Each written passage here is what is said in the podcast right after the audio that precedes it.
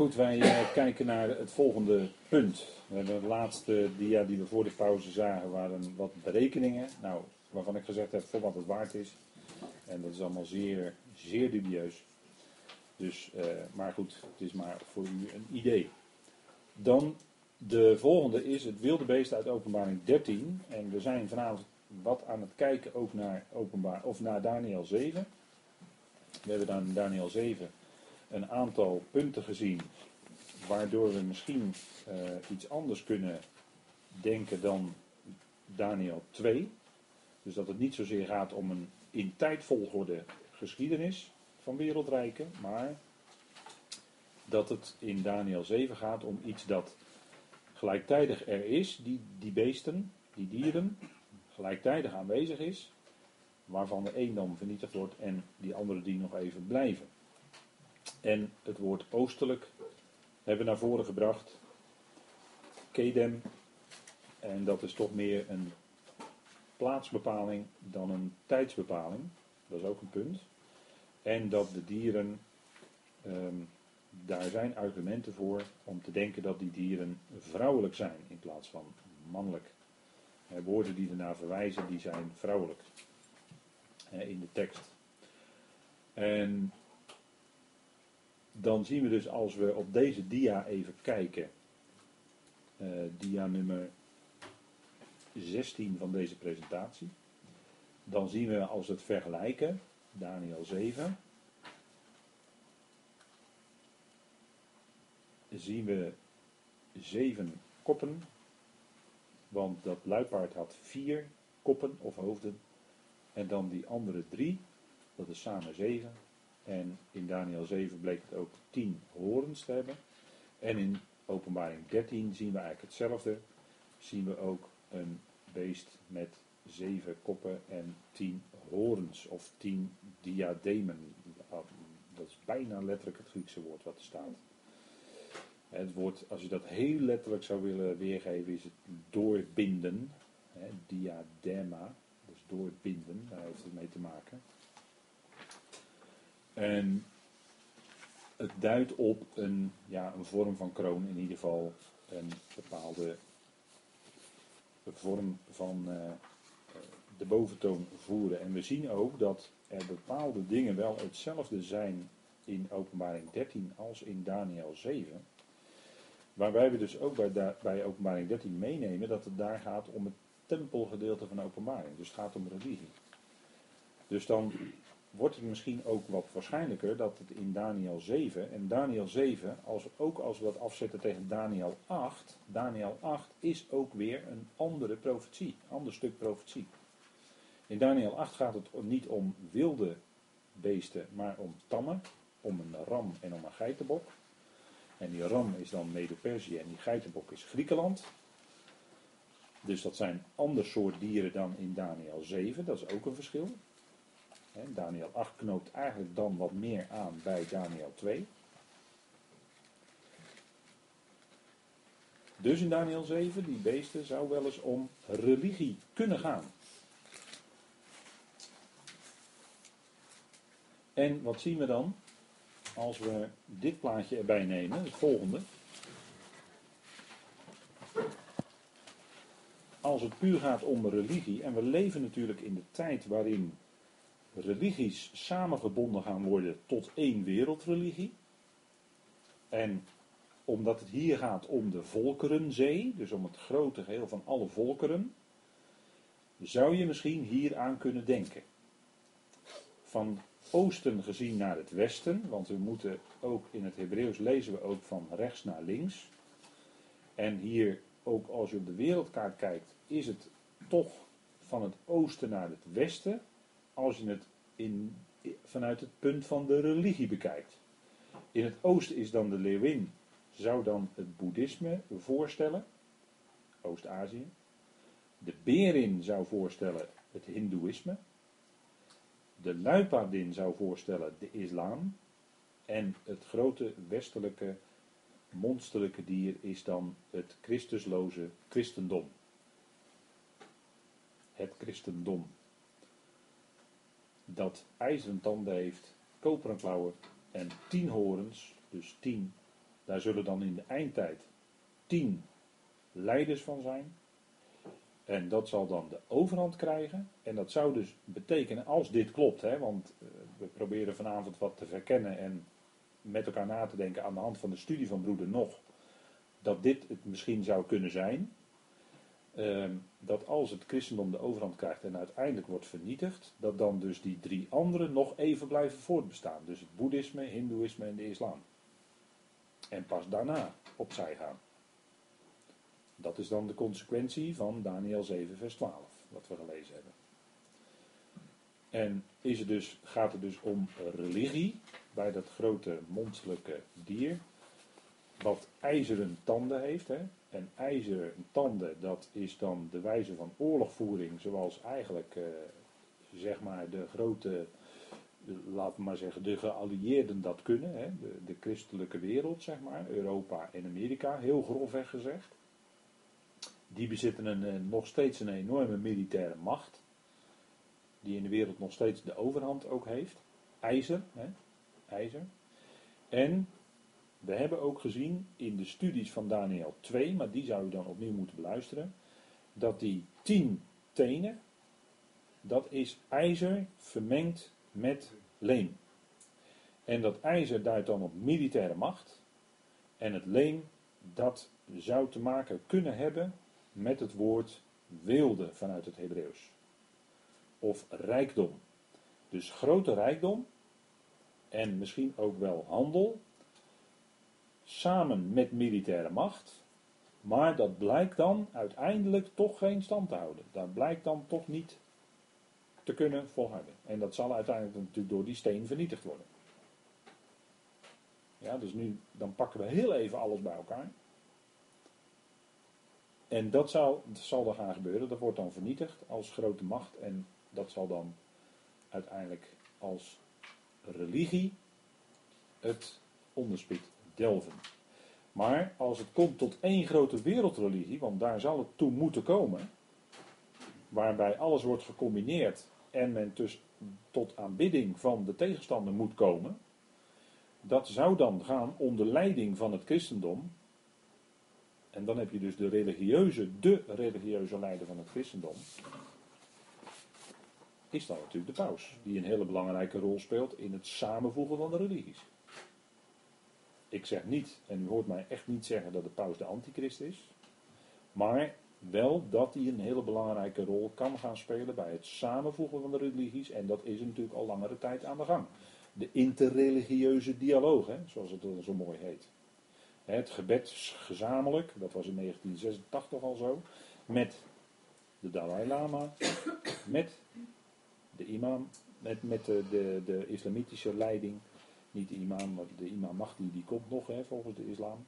Maar met de islamitische leiding, met uh, Joodse uh, rabbijnen ook erbij. En dan de paus in het midden in het wit. Daar, is, daar zijn ook foto's van. Dat is dan de interreligieuze dialoog, waarbij men dan moet komen tot één religie. Alles moet gaan samensmelten. Hè. De, de roep dat, er, dat, dat de, de, de verschillende goden, hè, eh, zoals het dan tot voor kort was, van de islam en het christendom en uh, joden, nou joden en christenen dezelfde, maar goed de islam. Maar de roep wordt steeds sterker dat het maar één God is en dat het allemaal verschillende uh, lijnen zijn die allemaal wijzen naar die ene God. Hè? Dat, die roep wordt steeds sterker in de wereld, dat weet u wel. Hè? Nou, dat is allemaal het gevolg van die interreligieuze dialoog. Hè, dat er geen exclusiviteit meer is. Uh, en je mag ook niet zeggen dat iets de waarheid is tegenwoordig. Dat mag je ook helemaal, helemaal niet meer hardop zeggen natuurlijk. Maar uh, dat is natuurlijk allemaal het gevolg van uh, de, de, geest van de tolerantie, de geest van alles moet samenkomen en alles moet tot één worden. Nou, daarin speelt de paus een belangrijke rol, zoals u weet. Dit logo is de logo van de grootloge van uh, de staat van Israël. De, dat is zogenaamd de Bnei Brit, noemen ze zich. Letterlijk de zonen van het verbond, hè, als je het vertaalt. De Bnei Brit, dat zijn, zoals u weet, de Joodse vrijmetselaars. En de paus onderhoudt en onderhield hartelijke contacten met de Benai Brit. En dat geldt niet alleen voor deze paus, maar ook voor de vorige. Vorige twee, drie op zijn minst. De Brit bestaat sinds ongeveer 1830, dacht ik, uit mijn hoofd gezegd. En ehm, er zijn dus hele goede contacten tussen paus enerzijds en de grote loge van Israël en ook daarbuiten anderzijds. Dus uh, dit, is, uh, dit zijn dus de Joodse vrijmetselaars. En die hebben ook wel verbanden met andere vrijmetselaars uiteraard. Hè? Want uh, de hoge leiders van Israël zijn vrijwel allemaal zonder uitzondering bij de Bnei Brit. Dat moet u ook zeker van uitgaan dat dat geldt voor Netanyahu en de huidige burgemeester van Jeruzalem bijvoorbeeld, om maar eens een aantal te noemen. Simon Peres, die voormalig enzovoort. En allemaal bij de Bnei Brit. Als je, anders kun je niet in een hoge positie komen in Israël. En dat geldt natuurlijk ook in de wereld. de andere vrijmetselaars, om maar een aantal te noemen. Het Hashemitische koningshuis van Jordanië, dat is eigenlijk die, dat koningshuis is eigenlijk de beheerder van de heilige plaatsen van de islam. He, Hashemitische koningshuis. En de vorige koning en de huidige koning van Jordanië zijn hooggraad vrijmetselaars. Waren zijn hooggraad vrijmetselaars. Abbas is ook vrijmetselaar bijvoorbeeld. dus je moet niet denken dat het uh, uh, zomaar tegenovergestelde partijen zijn, maar dat is allemaal onderdeel van een groter, veel groter geheel waarin men werkt naar een bepaalde einddoel toe.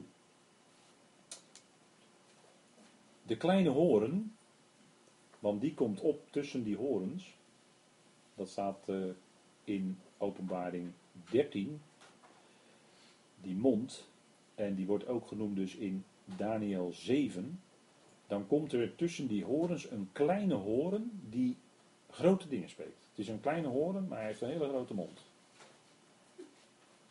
En dat is in dagelijks leven ook wel eens soms zo. Hè?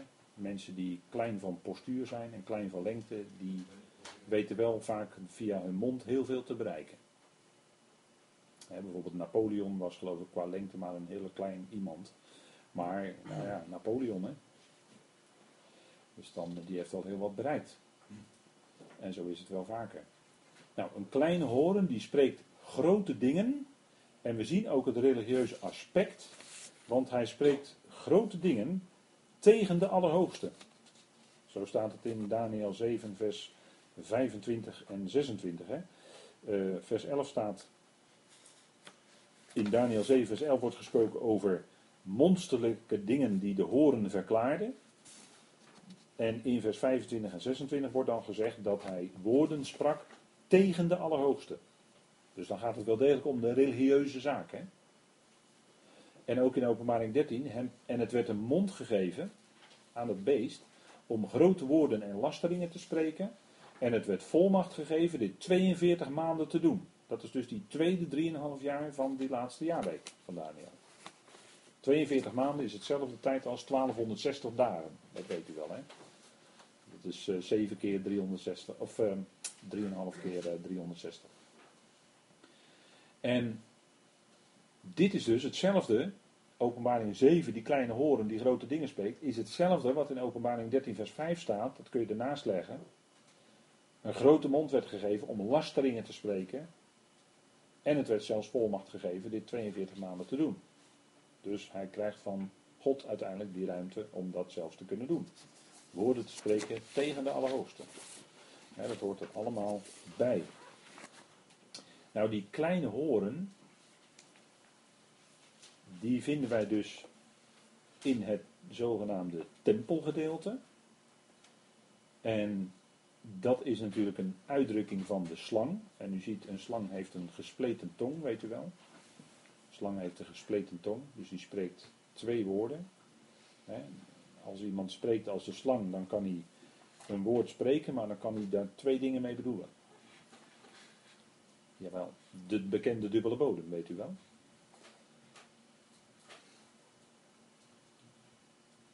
En dat is wat de slang ook doet.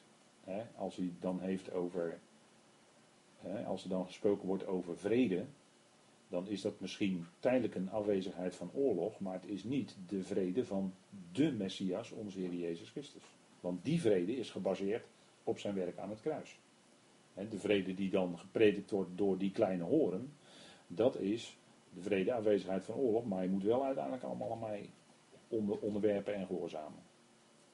En zelfs later ook aanbidden, anders krijg je de doodstraf. Zo, eh, zo scherp gaat dat in de eindtijd gespeeld worden.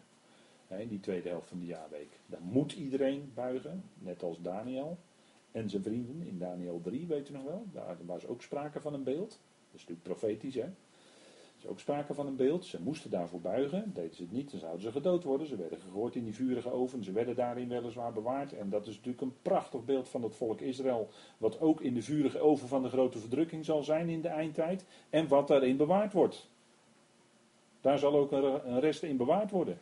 Dat is natuurlijk het beeld vanuit Daniel 3, hè, profetisch. Dat is natuurlijk niet zomaar een stuk geschiedenis wat je op zondagschool kan vertellen. Dat is prachtig hoor. En het is waar, zo is het gegaan. Maar het is ook profetisch naar de eindtijd toe over het volk Israël. Daniel en zijn vrienden spreken natuurlijk profetisch van Israël. Wat door die vurige oven van verdrukking zal gaan. Want het was Egypte toch ook.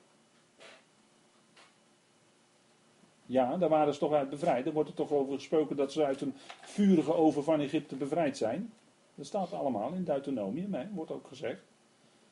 dus dat spreekt van die verdrukking. Nou, dat is profetisch in Daniel 3. die geschiedenissen in Daniel die ons niets lijken te zeggen, hebben wel degelijk heel veel te zeggen, want ze zijn profetisch. Denk maar aan Daniel 4, aan die boom waarin de vogelen van de hemelen gingen nestelen, weet u wel. Nou, dat is Babel hoor. Kijkt u maar in Matthäus 13, daar gaat het om de geheimenissen van het koninkrijk der hemelen. Daar heb je ook zo'n grote boom, daar gingen de vogelen van de hemel in nestelen. En u weet wat die vogels van de hemelen zijn, hè? Dat zijn geestelijke machten, onreine machten.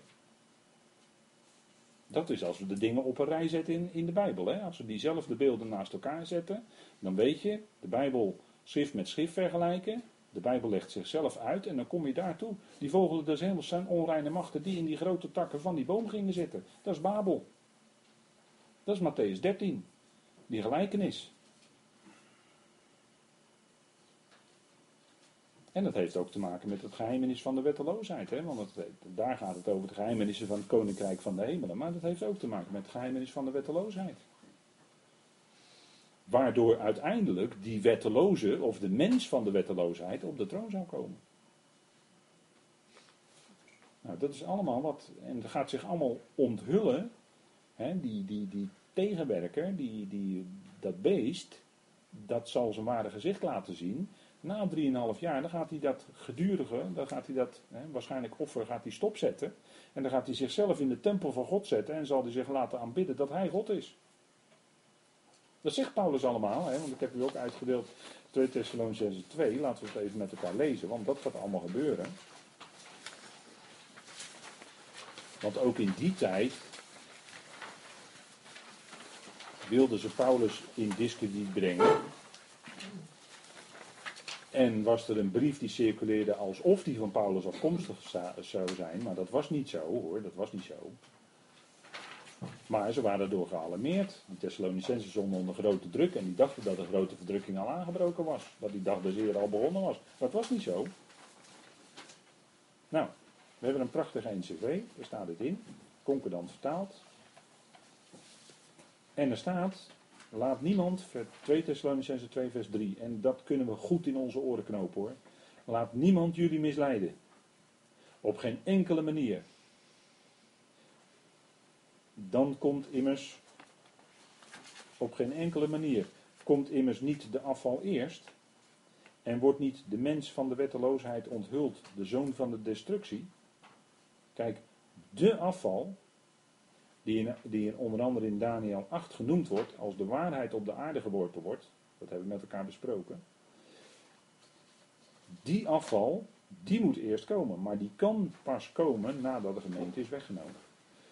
En wordt niet de mens van de wetteloosheid onthuld, de zoon van de destructie. En daar gaat het dus over die leider van de eindtijd. Die tegenstreeft en zich verheft boven alles wat God genoemd wordt of voorwerp van verering. Zodat hij zelf in de tempel van God gaat zitten, bewijzen dat hij zelf als God is. Ziet u het? Dus hij gaat straks in die tempel van God zitten in die tweede helft van de jaarweek.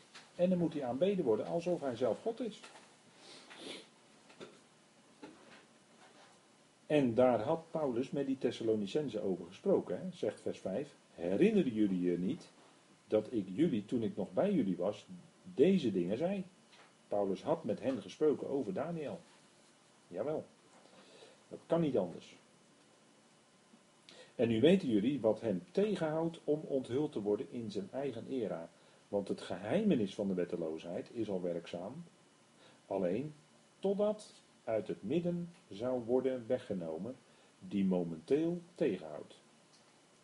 En dat is, als u het mij vraagt, de gemeente. Het lichaam van Christus.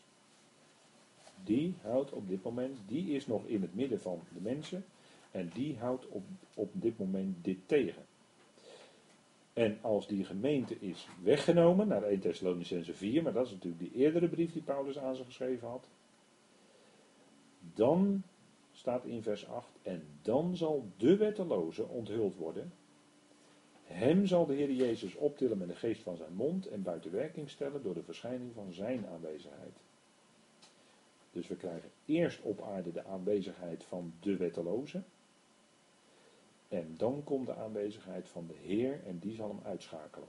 Maar eerst komt dus, wat ook in vers 9 staat, wiens aanwezigheid, daar gaat het weer om de aanwezigheid van die wetteloze, in overeenstemming met de werkzaamheid van de Satan is, in alle kracht en tekenen en wonderen van valsheid, en in alle verleiding van onrechtvaardigheid te midden van hen die omkomen, omdat zij de liefde van de waarheid niet ontvangen om zelf gered te worden.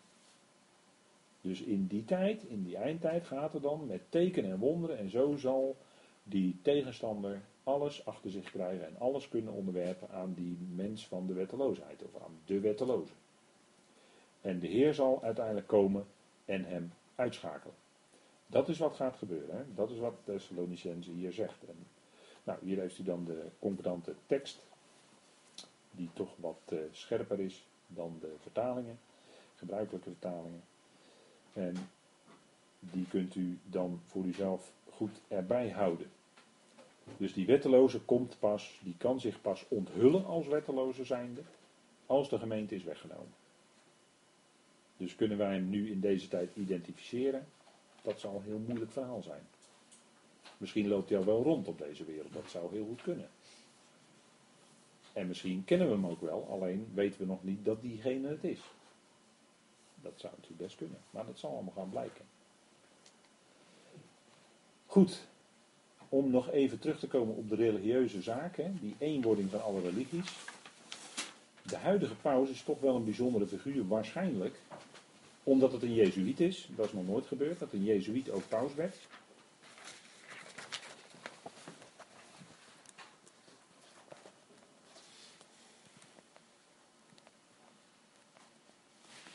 U weet wie de Jezuïeten zijn, hè? En als u uh, de geschiedenis een beetje kent van de Jezuïeten, dan denk ik aan de navolgelingen van Johannes Hus, hè, de Hussieten.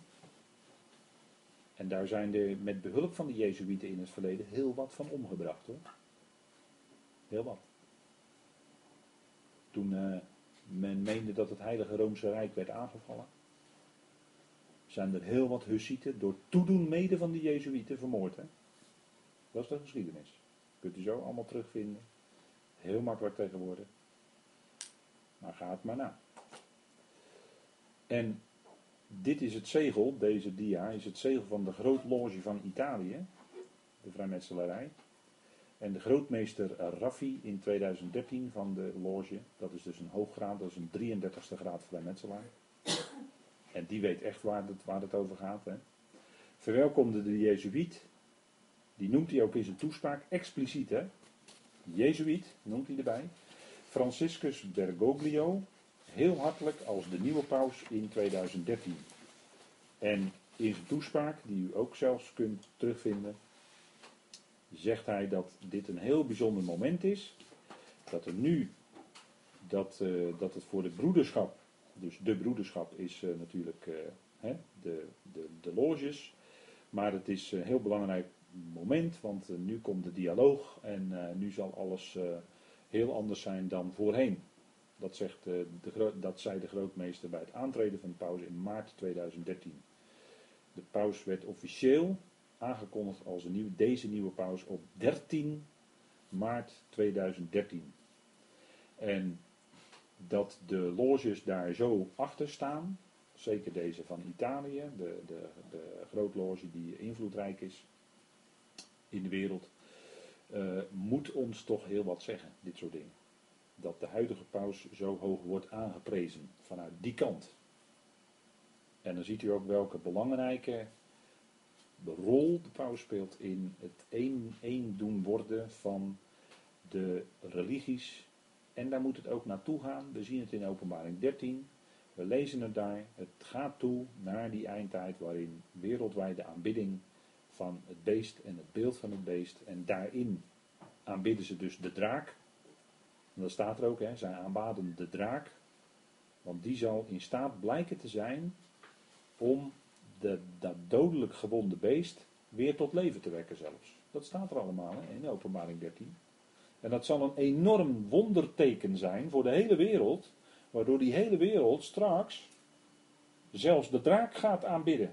Dus het zal wereld, een wereldwijde zaak worden. En denk erom dat het alles daarop gericht is om daartoe te komen achter de schermen. Het geheimenis van de wetteloosheid. Dat is, dat, dat heeft, daar heeft deze dingen dit ook mee te maken.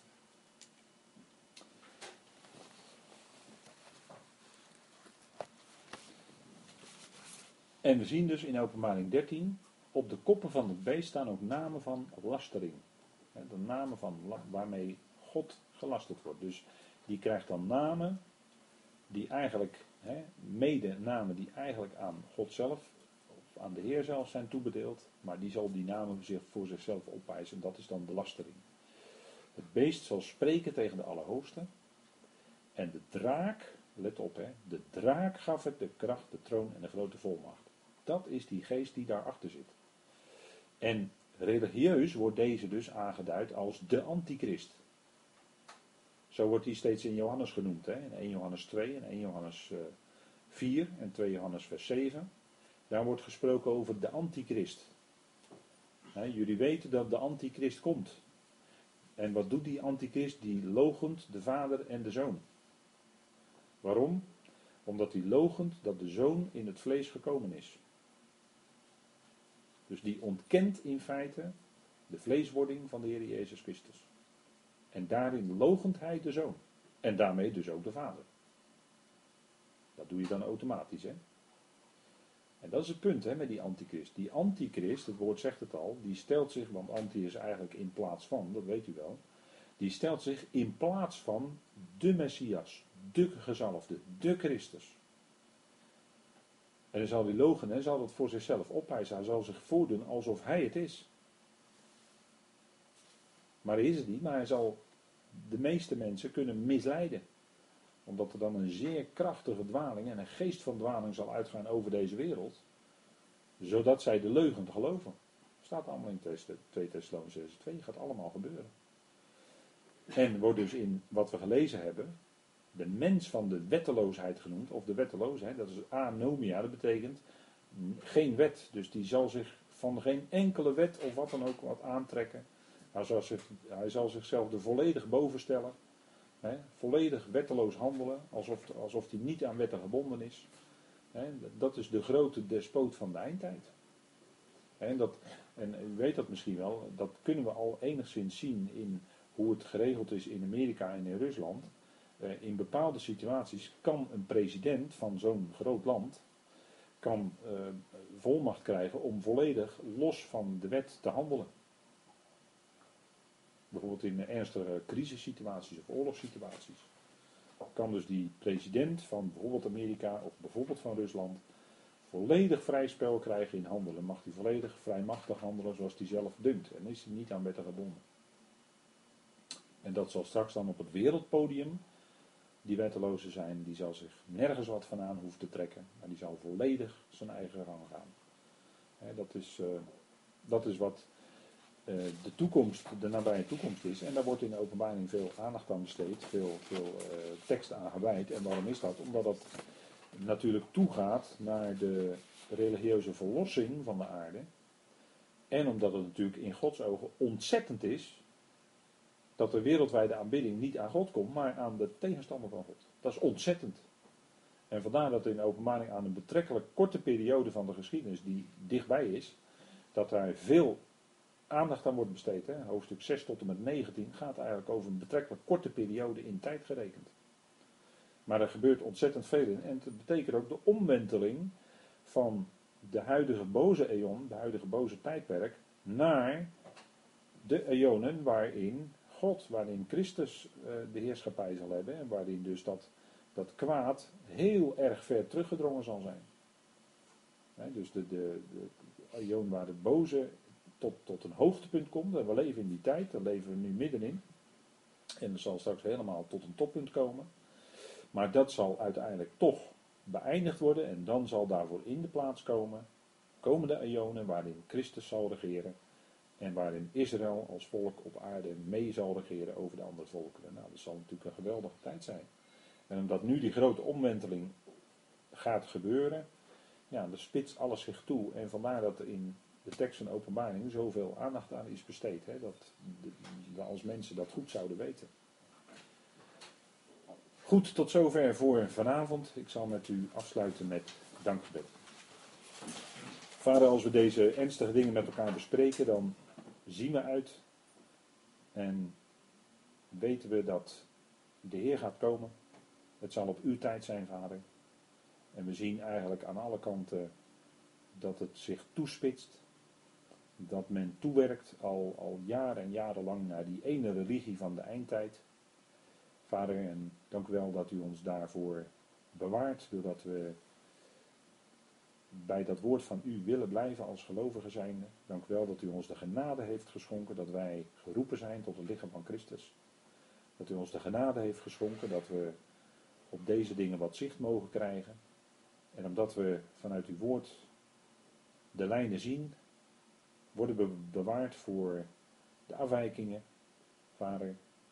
En als we dat niet zouden hebben, als we niet door uw geest daarin geleid zouden worden, door uw woord, dan zouden we misschien net als de rest meegaan. Vader, maar dank u wel dat het dan ook alleen uw genade is en uw kracht in ons die werkt en die ons bewaart voor de wegen van de boze, voor de misleidingen die er zijn. Vader, juist op geestelijk gebied enorm aanwezig in deze tijd. Dank u wel dat we zien hoe de politiek, maar ook de religieuze kant zich spoedt naar die dingen die staan te gebeuren, waarvan we lezen in uw woord. Vader, ook op zo'n historische dag als vandaag zien we dat het om Jeruzalem draait in de wereld als het gaat om de politiek. En dank wel dat we daar bovenuit dat enorme besef hebben dat niets buiten u om gebeurt, maar dat alles in uw hand is. Vader, in de wereld lijkt alles zo chaotisch te worden en steeds meer. Maar niettemin weten we toch dat het zo moet gaan conform uw plan. En dank u wel dat u dat grote plan uitwerkt. Met Israël, uw oogappel, de geliefden om de vaderen wil. Maar ook met de volkeren zult u tot uw doel gaan komen, uiteindelijk. En dank u wel dat u ons als gemeente gaat inzetten voor die hemelse machten en krachten, de onzichtbare geestelijke machten die we dan tegemoet zullen treden, Vader, in een veranderd lichaam, voltallig als hele gemeente. We danken u dat we daarom mogen uitzien naar dat grote moment van de bazuin. We weten niet de dag of het uur. Vader, we kunnen het niet uitrekenen. Maar dank u wel dat u ons hoofd steeds opheft, dat we mogen opzien naar u. En aan alles mogen merken dat het zeer nabij is. Vader, daar dank u voor. We danken u dat we ons dan mogen verheugen in u en uw woord. Dat machtige evangelie van genade. Wat zich niet laat vermengen met iets anders. Maar dank u wel dat we dat evangelie van genade mogen vasthouden. En daaruit leven, Vader, vol vreugde. Dank u wel dat we leven onder genade. We leven in genade. En dat u ons begenadigt in de geliefde. Vader, dank u wel voor die heerlijkheid. Voor alles wat u ons schenkt in uw zoon. Vader, het is enorm rijk. En we danken u dat hij hem werd om ons rijk te maken. Wat geweldig is dat. We danken u daarvoor, Vader, dat u met ons meegaat ook in de komende dagen. U weet wat op onze weg komt. En u bent altijd heel dicht nabij. We hebben altijd volle vrijmoedigheid om u aan te roepen. En dank u wel dat u niet loslaat wat uw hand begon ook in ons leven. En dat u altijd heel dicht nabij bent, Vader. Dank u wel daarvoor. Dank u wel voor die liefde van u. In die machtige naam van uw geliefde zoon. Amen.